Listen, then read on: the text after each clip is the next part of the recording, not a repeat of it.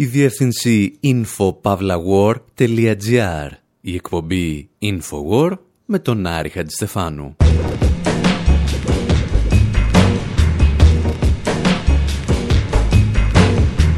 Όπου σήμερα διαπιστώνουμε ότι ο γερουσιαστής Μακάρθη είναι καλά και ζει ανάμεσά μας. Συνεχίζει μάλιστα να εκδίδει λίστες με όσους πιστεύει ότι συνεργάζονται με τη Ρωσία. Αναρωτιόμαστε εάν ο Αμερικανικός τύπος βρήκε πάτο ή αν έχει και άλλο ακόμη. Και γιατί ο Washington Post θα ήθελε να δει όλα τα αριστερά site στην Επιτροπή Αντιαμερικανικών Ενεργειών. Παρακολουθούμε την ιστορία ανθρώπων που βρέθηκαν πραγματικά ενώπιον της Επιτροπής και συναντάμε εκεί τον μαύρο Γρηγόρη Λαμπράκη, τον Σαρλό και τον Αϊνστάιν. Καταλήγουμε ότι τελικά ο Μακάρθη είχε δίκιο να τους διώκει, γιατί οι άνθρωποι αυτοί ήταν πράγματι σοσιαλιστές ή κομμουνιστές.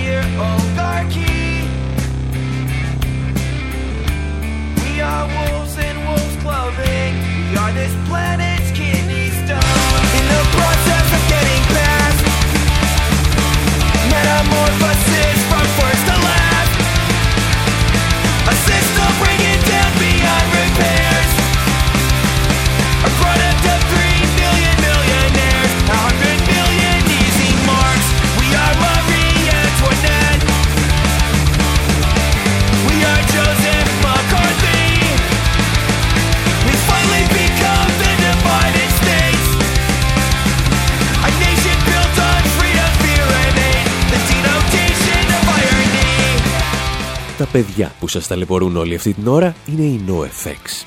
Ένα από τα συγκροτήματα που ενηλικιώθηκαν την εποχή των Bad Religion, των Green Day και των Offspring. Αλλά δεν τους πήρε ποτέ καμία μεγάλη δισκογραφική εταιρεία. Ίσως γιατί είχαν κακή μουσική και πανέξυπνο πολιτικό στίχο. Ό,τι απαιτείται δηλαδή για να μείνεις έξω από τα δισκογραφικά κλαμπ των μεγάλων. Εδώ πάλι τους επιλέξαμε γιατί συνδέουν τον Μακάρθη με την παρακμή των Ηνωμένων Πολιτειών.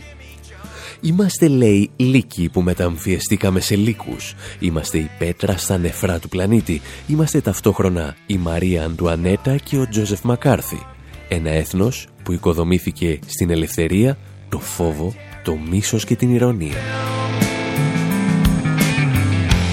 Και ενώ θα θέλαμε όλοι, καταλήγουν, να έχουμε ένα χολιγουντιανό τέλος, θα έχουμε ένα από αυτά που βάζουν στις ξένες ταινίες.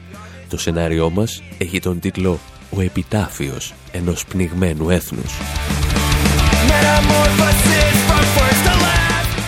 Εμείς από την πλευρά μας θεωρούμε ότι ελάχιστα τραγούδια θα μπορούσαν να περιγράψουν καλύτερα μια χώρα η οποία αφού επέλεξε τον Ντόναλτ Τραμπ για πρόεδρό της τώρα προσπαθεί να ρίξει το φταίξιμο στη Ρωσία. Did the spread of fake news on the web help elect Donald growing concern these fake stories may have had real influence on fake news infects the left and the right.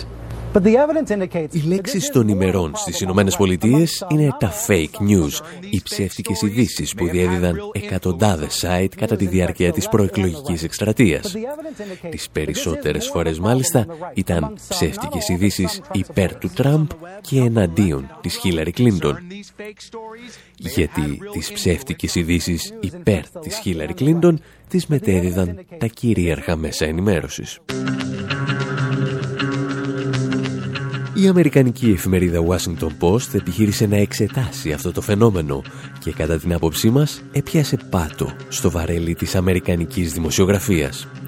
ισχυρίστηκε ούτε λίγο ούτε πολύ ότι οι ψεύτικες ειδήσεις υπέρ του Τραμπ έρχονται απευθείας από τη Ρωσία μέσα από ένα δίκτυο εκατοντάδων ιστοσελίδων οι οποίες, λέει, είτε χρηματοδοτούνται από τη Μόσχα ή ελέγχονται από χρήσιμους ηλίθιους που απλώς αναπαράγουν την προπαγάνδα της Μόσχας. Το πρόβλημα είναι ότι η Washington Post στήριξε εν μέρη την έρευνά της και σε ένα site που λέγεται Prop or Not και υποτίθεται ότι εντοπίζει τη ρωσική προπαγάνδα στο ίντερνετ.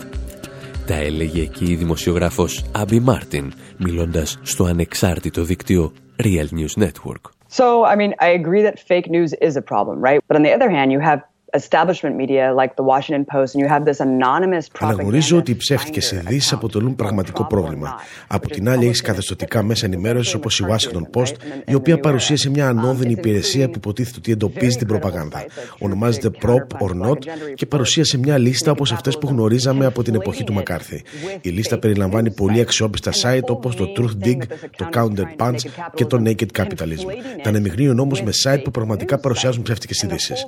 Αυτό που επιχειρεί επιχειρεί ο συγκεκριμένο λογαριασμό είναι να μας πείσει ότι αυτές οι ιστοσελίδες καθόρισαν το αποτέλεσμα των εκλογών υπέρ του Τραμπ. Ότι θόλωσαν τα νερά ώστε ο κόσμος να πιστεύει τα ψέματα του Τραμπ και έτσι αυτός κέρδισε.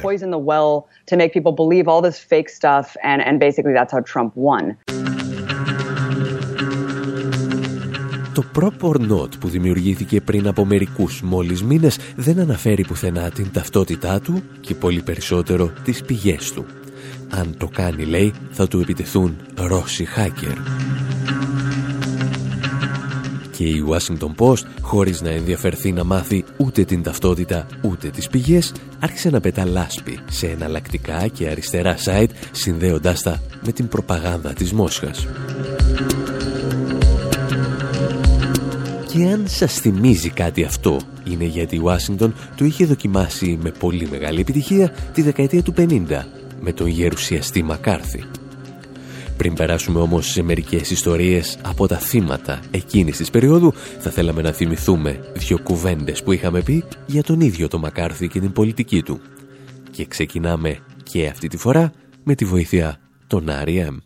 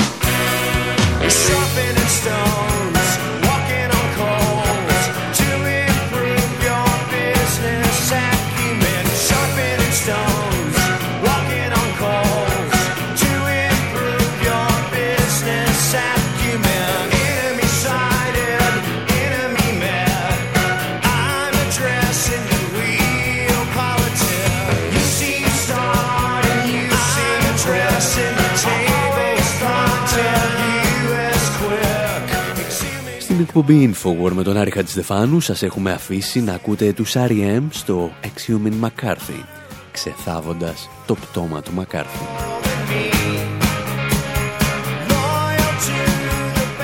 όπου Μακάρθι, για να μαθαίνουν οι νεότεροι και να μην κάνουν τις πάπιες οι μεγαλύτεροι, ήταν ο Αμερικανός γερουσιαστής που ανέλαβε να εφαρμόσει το κυνήγι μαγισσών εναντίον των κομμουνιστών και κάθε προοδευτικού ανθρώπου στις Ηνωμένες Πολιτείες. Κάτι δηλαδή σαν την ομάδα αλήθειας, αλλά με στοιχειώδη ευφυΐα. Μια ειδοποιώς διαφορά επίσης είναι ότι ακόμη και εκείνη την εποχή βρέθηκαν κάποιοι δημοσιογράφοι σε μεγάλα μέσα ενημέρωσης να αντιταχθούν σε αυτό το φασιστικό πογκρόμ κατά της ελευθερίας του λόγου.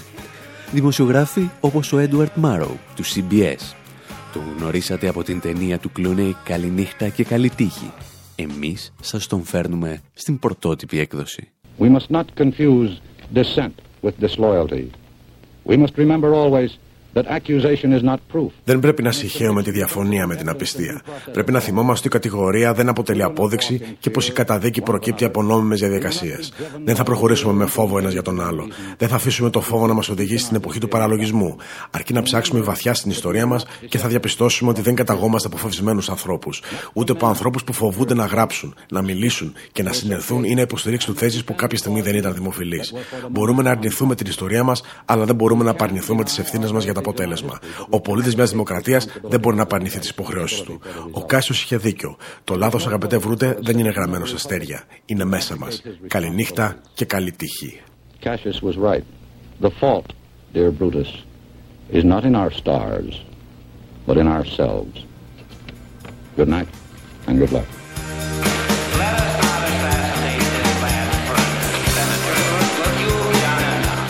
Στο Exhuman McCarthy, στο οποίο έχουμε επιστρέψει, οι R.E.M. χρησιμοποιούν αποσπάσματα πολιτικών που τόλμησαν να αντιταχθούν στην ομάδα αλήθειας του μακαρθισμού. Αυτό που πραγματικά ήθελαν όμως να διηγηθούν είναι τον σύγχρονο μακαρθισμό της νεοφιλελεύθερης Αμερικής. Εξού και οι αναφορές σε τράπεζες και επιχειρηματίες.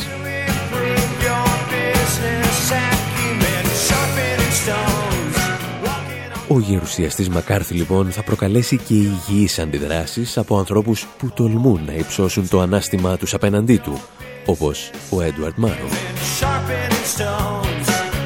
Από εκείνη την εποχή μάλιστα κυκλοφορούν και τα πρώτα σατυρικά τραγούδια για το κυνήγι μαγισσών του Αμερικανικού αντικομουνισμού, όπως εδώ με τον Τζοε Γκλάζερ.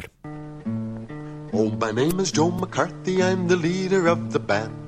I don't play in the concert hall, but on the witness stand. I have the finest orchestra in Washington, D.C.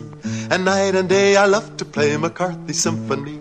Oh, Jenner howls and Velde owls and Muntz has poured on. The drums go bang, the cymbals clang from Maine to Oregon. And Hick and toodles the flute as victims take the stand. The sweetest music ever heard is Joe McCarthy's band. Toodly-doo. Try to sue. Toodly-doo. Just try to sue. Toodly doo. I'll tell you more, but I'll never, never, never say it off the Senate floor. Now I'm the best investigator in the Senate Hall. Who cares about the evidence? I use a crystal ball.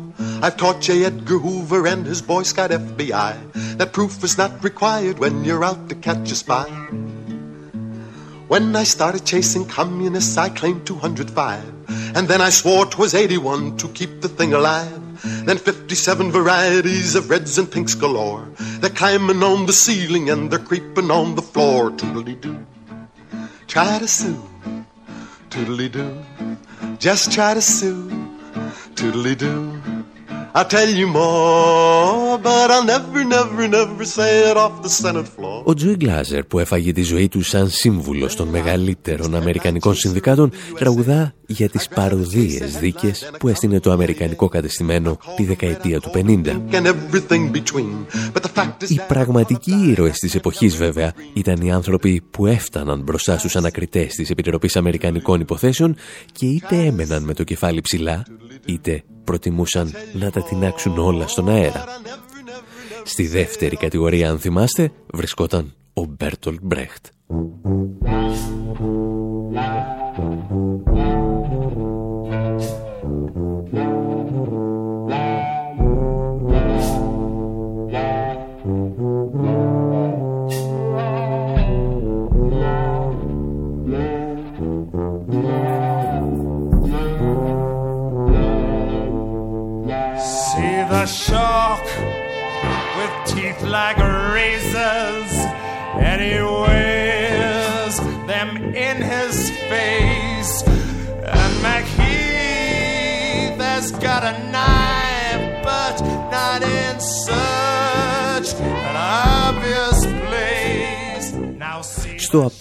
Του μακαρθισμού η Επιτροπή Αντιαμερικανικών Υποθέσεων ή Δραστηριοτήτων θα καλέσει τον Μπρέχτ να απολογηθεί για το αν υπάρχουν ιδέες του Μάρξ και του Λένιν στα έργα του. Και αυτός, γνωρίζοντας από πρώτο χέρι ότι ο φασισμός, όπως και η βλακεία, είναι ανίκητη, θα προτιμήσει να παίξει το παιχνίδι των ιεροεξεταστών του, κοροϊδεύοντας την Επιτροπή. Uh, Mr. Is it true that you have written a number of very revolutionary poems, plays, and other writings?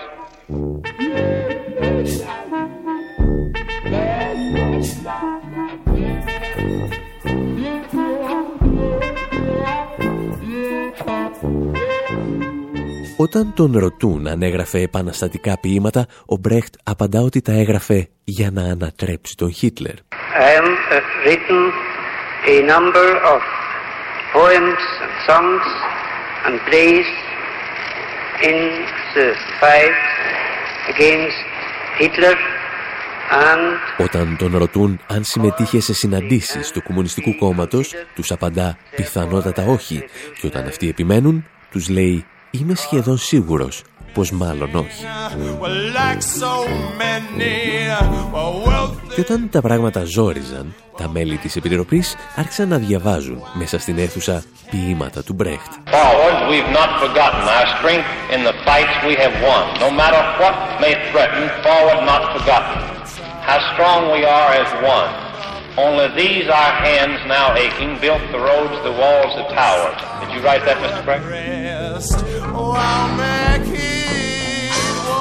Φυσικά, όταν φτάνεις να αναγκάζεις τον ανακριτή σου να διαβάσει τα ποίηματά σου μέσα στην αίθουσα της Επιτροπής Αντιαμερικανικών Υποθέσεων, είσαι εσύ αυτός που έχει κερδίσει τη μάχη. Ακόμη και αν πρόκειται για την χειρότερη απαγγελία στην ιστορία της ποίησης. Γιατί αυτό που διάβαζε ο ανακριτής ήταν το τραγούδι της αλληλεγγύης, που συνήθως ακούγεται κάπως έτσι.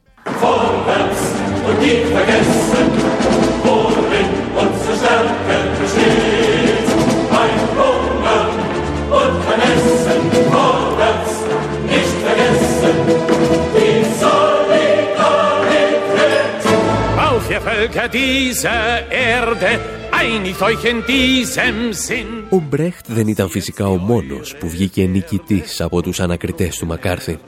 Στο δεύτερο μέρος της εκπομπής θα μιλήσουμε για έναν μαύρο ήρωα που μας θυμίζει πολύ τον δικό μας Γρηγόρη Λαμπράκη. Θα τον μπλέξουμε με διηγήσεις των Manic Street Preachers και του Σαρλό, ενώ θα δούμε μερικούς σκηνοθέτες και σεναριογράφους να κρύβονται μέσα στη φαρέτρα του ρομπέν των δασών. Εσείς πάλι να είστε φρόνιμοι μέχρι τότε και να μείνετε εδώ για τα επόμενα λεπτά. Να θυμάστε ότι οι ιστορίες σαν κι αυτές θα βρίσκεται πάντα και στη διεύθυνση info.pavlawar.gr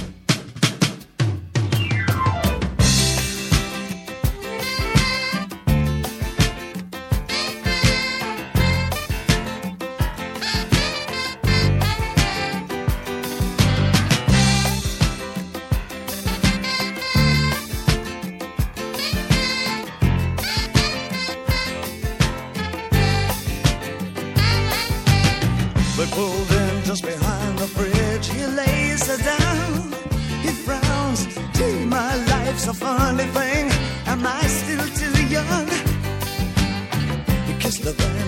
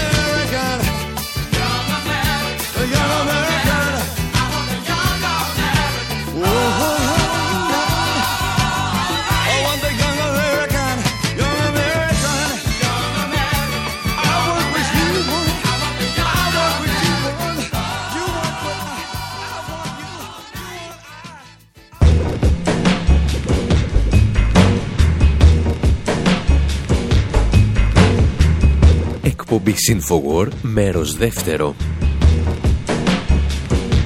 όπου αφού είδαμε την Washington Post να αναβιώνει τις χειρότερες ημέρες του μακαρθισμού καταδίδοντας εναλλακτικά μέσα ενημέρωσης επιστρέφουμε στις πραγματικές ιστορίες του γερουσιαστή Μακάρθη και των θυμάτων του. Είδαμε τον Μπέρτολ Μπρέχτ να μην σηκώνει μίγα στο σπαθί του και ακούσαμε τα πρώτα σατυρικά τραγουδάκια εναντίον του γερουσιαστή και τώρα θέλουμε να σας μιλήσουμε για έναν μαύρο ήρωα, για τον οποίο μας τραγουδούν πρώτα οι Manic Street Preachers.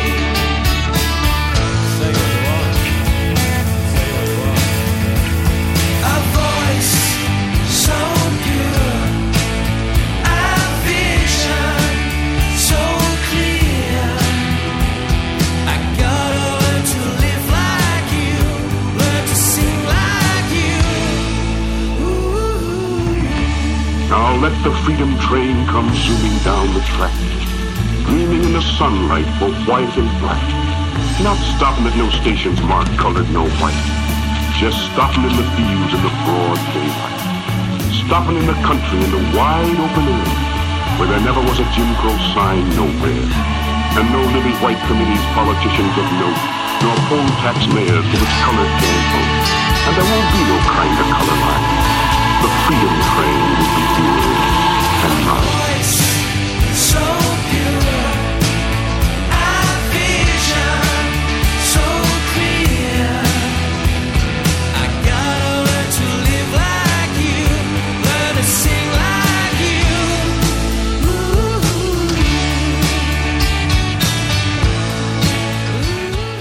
Manic Street Preachers μας παρακαλούν να αφήσουμε τον Ρόμπσον να τραγουδήσει και ύστερα λένε κάτι ακατάληπτα για την CIA, μια βροντερή φωνή, τον Φιντέλ Κάστρο και τη Σοβιετική Ένωση, ένα διαβατήριο και το γερουσιαστή Μακάρθη, κάτι τρένα στα οποία χωρούν λευκοί και μαύροι και ύστερα πάλι κάτι για μια καθαρή βροντερή φωνή. Και αν υπάρχει ένας άνθρωπος που μπορούσε να εξηγήσει το συνειρμικό παραλήρημα του συγκροτήματος, ήταν ο Πολ Ρόμπσον. Ο Ρόμπσον ήταν ο αναγεννησιακός άνθρωπος που θα συνδυαζε τις ικανότητες του Λεωνάρτο Νταβίντσι με την ψυχική δύναμη και την πολιτική καθαρότητα του Γρηγόρη Λαμπράκη. Ο Ρόμπσον γεννήθηκε το 1898 και πολύ σύντομα άρχισε να ακούει τις ιστορίες από τα παιδικά χρόνια που είχε να του διηγηθεί ο πατέρας του. Ιστορίες για έναν μαύρο σκλάβο από την Ιγυρία, ο οποίος όμως κατάφερε να δραπετεύσει από τις φοιτίες του Αμερικανικού Νότου και να κερδίσει την ελευθερία του. Μεγαλώνοντας, ο Ρόμπσον θα γίνει ένας από τους καλύτερους παίχτες της περιοχής του στο αμερικανικό ποδόσφαιρο, το μπάσκετ και το μπέισμπολ. Παράλληλα, σπουδάζει νομική όπου διαπρέπει και ασχολείται με το θέατρο, όπου τις περισσότερες φορές υποδίεται φυσικά τον Οθέλο του Σέξπιρ. A word or two before you go. I have done the state some service. Ο χώρος όμως στον οποίο πραγματικά θα διακριθεί και θα γίνει αναγνωρίσιμος ο μαύρος καλλιτέχνης θα είναι το τραγούδι. Και όταν ήταν νέος ακουγόταν Κάπως έτσι.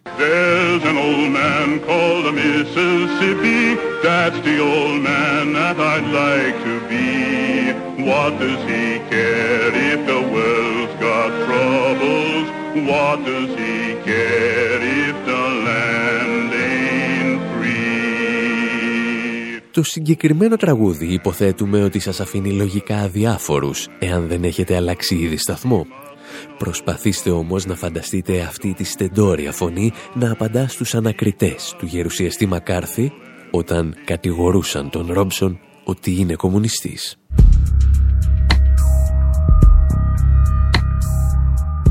Μπαίνουμε στην αίθουσα ανακρίσεων της Επιτροπής Αντιαμερικανικών Δραστηριοτήτων όταν ο εισαγγελέα ρωτάει τον Πολ Ρόμψον αν υπέγραψε τη δήλωση πολιτικών φρονημάτων. Τη δήλωση ότι δεν είχε καμία σχέση με το Κομμουνιστικό Κόμμα. In July of 1954, were you requested to submit a non-communist affidavit? Under no conditions would I think of signing such an affidavit. It is a contradiction of the rights of American citizens. Are you now a member of the Communist Party? Oh, please, please, please. Please answer, William. Δεν θα υπέγραφα ποτέ μια τέτοια δήλωση, εξηγεί ο Ρόψον. Και αν θέλετε, λέει, να μάθετε αν είμαι μέλος του Κομμουνιστικού Κόμματος, θα πρέπει να έρθετε όταν ψηφίζω και να ανοίξετε την κάλπη για να δείτε. Ο Ρόψον κάνει εκείνη τη στιγμή χρήση της πέμπτης τροποποίησης του Αμερικανικού Συντάγματος για να προστατεύσει τον εαυτό του από τον παραλογισμό του Αμερικανικού κράτους. Όταν όμως πρέπει τελικά να απαντήσει τι πιστεύει για τον κομμουνισμό, καθαρίζει το λαιμό του και λέει τα εξής. Κύριοι, καταρχήν, όπου και αν ταξίδεψα στον κόσμο, οι πρώτοι που πέθαναν στη μάχη απέναντι στο φασισμό ήταν οι κομμουνιστές. Εναπόθεσα πολλά στεφάνια επάνω σε τάφους κομμουνιστών και αυτό δεν είναι έγκλημα. Είμαστε όμως σίγουροι ότι θα θέλατε να ακούσετε και τον ίδιο να σας τα λέει. You are directed to answer, Mr. Gentlemen, Robson. In the first place, wherever I have been in the world, the first to die in the struggle against fascism were the communists. I laid many wreaths upon the graves of communists. That is not criminal. Εάν τώρα αναρωτιέστε πως το καλύτερο παιδί της τάξης και ο καλύτερος φοιτητής, ποδοσφαιριστής, μπασκετμπολίστας, μπέισμπολίστας, ηθοποιός και τραγουδιστής καταλήγει μαζί με κάτι άλλους κομμουνιστές στο εδόλιο της Επιτροπής Αντιαμερικανικών Δραστηριοτήτων, η απάντηση είναι μία. Ισπανικός εμφύλιος.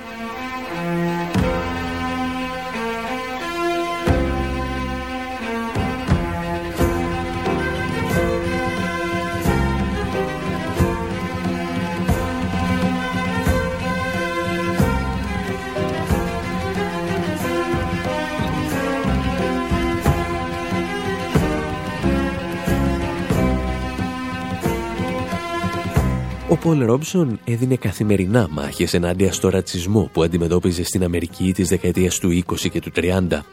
Παρακολουθώντας όμως τις μάχες του Ισπανικού εμφυλίου, συνειδητοποιεί ότι η πραγματική μάχη είναι στη βάση της όχι φιλετική ή εθνική, αλλά πάντα ταξική.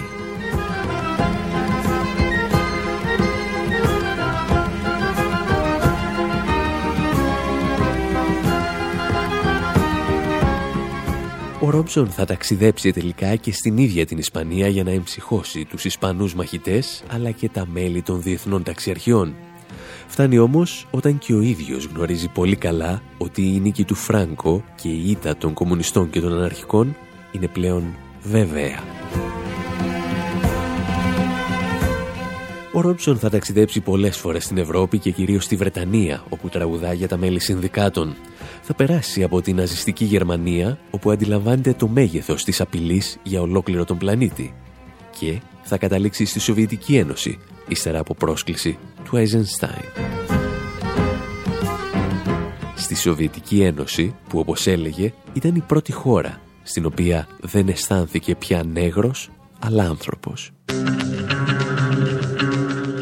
Με τέτοιες ιδέες που κουβαλούσε βέβαια, το πέρασμά του από τις επιτροπές του μακαρθισμού ήταν κάτι περισσότερο από αναμενόμενο. Ήταν βέβαιο, αλλά και ένας τίτλος τιμής. Εσείς μένετε εδώ, γιατί ύστερα από ένα μικρό διάλειμμα συζητάμε και για ανθρώπους που δεν στάθηκαν με τόση αξιοπρέπεια απέναντι στις επιτροπές του μακαρθισμού.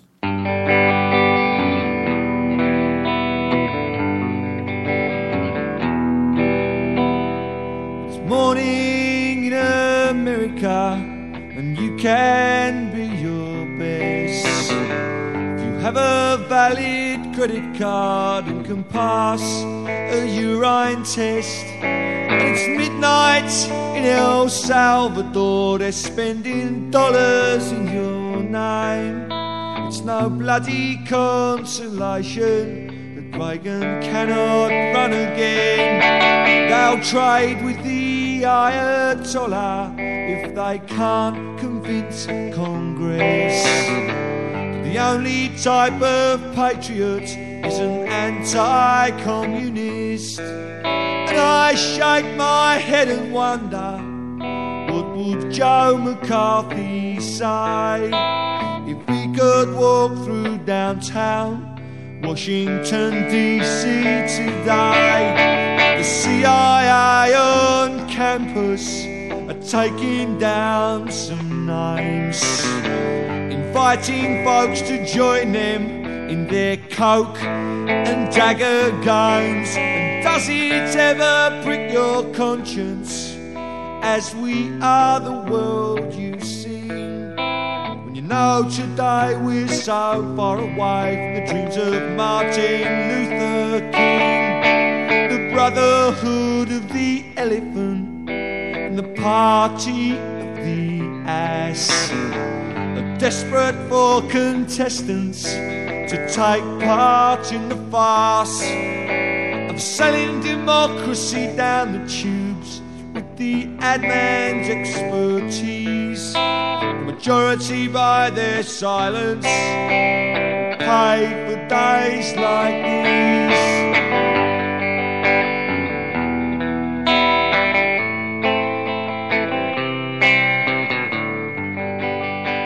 Ο Billy Bragg, με τον οποίο είχα την τεράστια τιμή να τσακωθώ στο Twitter για το Brexit, τραγουδά για την Αμερική της δεκαετίας του 80. Είναι η στιγμή, όπως λέει, που ο Ρόναλντ Ρέγκαν δεν μπορεί να ξανακατέβει στις εκλογές και εσύ έχεις στα χέρια σου μόνο μία πιστοτική κάρτα. Ο Μπίλι Μπραγκ αναρωτιέται τι θα σκεφτόταν ο γερουσιαστής Μακάρθη αν περπατούσε για λίγο στους δρόμους της Ουάσιγκτον. Τραγουδά για την επιστροφή του αντικομουνισμού και την αναζωπήρωση του ψυχροπολέμου στα χρόνια του Ρίγκαν. Εμείς εδώ όμως έχουμε ακόμη κάτι ανοιχτούς λογαριασμούς με τις επιτροπές αντιαμερικανικών δραστηριοτήτων της δεκαετίας του 50. Πρέπει να σας θυμίσουμε και εκείνες τις ιστορίες από την τηλεοπτική σειρά με τον Ρομπέν των Δασών, όπου οι κομμουνιστές δεν κρύβονταν στα δάση, αλλά στους τίτλους αρχής.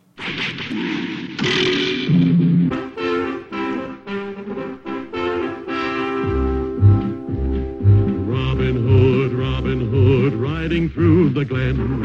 Robin Hood, Robin Hood, with his band of men, feared by the bad, loved by the good. Robin Hood,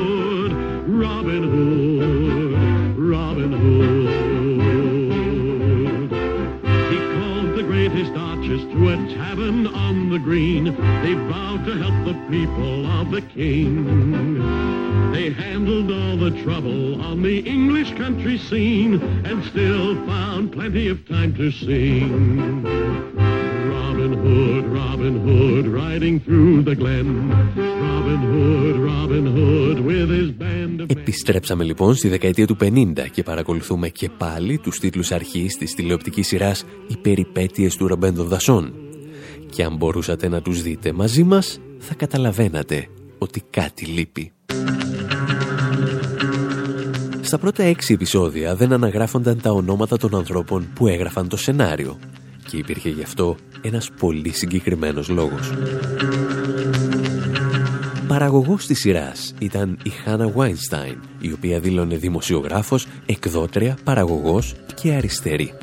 Και επειδή στον τελευταίο της τίτλο έδινε λίγο μεγαλύτερο βάρος, αποφάσισε να προσλάβει ως σεναριογράφους ανθρώπους που ήταν στη μαύρη λίστα του αμερικανικού καθεστώτος. Ήταν η εποχή που ο μακαρθισμός στρεφόταν πλέον εναντίον των λαμπρότερων δημιουργών της εποχής, ανθρώπων όπως ο Τσάρλ Τσάπλιν, ο Αϊνστάιν και ο Μπέρτολ Μπρέχτ, που ανακρίνεται, όπως είδαμε, από την Επιτροπή Αντιαμερικανικών Δραστηριοτήτων. Για να επιστρέψουμε όμως στη δική μας ιστορία του Ρομπέν των Δασών, από το έκτο επεισόδιο της τηλεοπτικής σειράς, επειδή κάποιοι είχαν αρχίσει να αναρωτιούνται γιατί δεν αναφέρονται τα ονόματα των σεναριογράφων, η Χάνα Βάινσταϊν άρχισε να χρησιμοποιεί ψευδόνυμα για τους συνεργάτες της. Την ίδια πρακτική ακολουθούσαν πολλοί ακόμη δημιουργοί. Ήταν η εποχή που περνούσαν από τις επιτροπές άνθρωποι όπως ο Λέοναρντ Μπέρνσταϊν, ο Άρθουρ Μίλλερ, ο Όρσον Βέλς και δεκάδες άλλοι. Ανάμεσα στους μάρτυρες όμως βρέθηκαν και κάποιοι που ήθελαν να καταδώσουν συναδέλφους τους. Όπως εδώ, ο Γκάρι Κούπερ δηλώνει ότι του έστελναν σενάρια με κομμουνιστικές νήξεις. Well, I have turned down quite a few scripts because I thought they were tinged with communistic Επόμενο στη σειρά, ο Ρόναλντ Ρίγκαν μιλούσε για μικρές κλίκες κομμουνιστών μέσα στο Χόλιγουντ που ακολουθούν, όπως έλεγε, τη γραμμή του Κομμουνιστικού Κόμματος. That uh, small clique uh, has been referred to, has been discussed as more or less following the tactics that we το 1947 βλέπουμε και τον Walt Disney να καταθέτει σε μία από τις επιτροπές του μακαρθισμού ο πατέρας του Μίκη Μάους καταδίδει ορισμένους από τους στενότερους συνεργάτες του, σαν κομμουνιστές. Με αυτόν τον τρόπο παίρνει εκδίκηση για κάτι που είχε συμβεί στις αρχές της δεκαετίας του 40. They looked at a lot of our pictures and uh, I think they ran a lot of them in Russia but then turned around and turned them back to us and said they didn't want them. Το 1941 η εταιρεία του Disney παραλύει από γενική απεργία Ανίκανος τότε να αντιδράσει, ο Disney θα περάσει έξι χρόνια για να εκδικηθεί τους προτεργάτες της απεργίας. Εκείνες οι κινητοποιήσεις, λέει στην κατάθεσή του στα μακαρθικά δικαστήρια, ήταν τμήμα κομμουνιστικού σχεδίου για την κατάληψη του Χόλιγου. Και ύστερα θα έρθει φυσικά και η σειρά του Ηλία Καζάν να καταδώσει εννέα συνεργάτες του σαν κομμουνιστές ο Ρουφιάνος απομονώνεται και χάνει ορισμένους από τους καλύτερους φίλους του, όπως τον Άρθουρ Μίλλερ, ο οποίος δεν θα τον συγχωρέσει ποτέ. Κάπου εδώ βέβαια, με αυτές τις ιστορίες για ήρωες και για Ρουφιάνους, φτάνουμε στο τέλος και της σημερινής μας εκπομπής. να μας θυμάστε και να μας ψάχνετε πάντα στη διεύθυνση info.pavlawar.gr Μέχρι την επόμενη εβδομάδα πάντως, από τον Άρη Χαντιστεφάνου στο μικρόφωνο και τον Δημήτρη Σαθόπουλο στην τεχνική επιμέλεια, γεια σας και χαρά σας.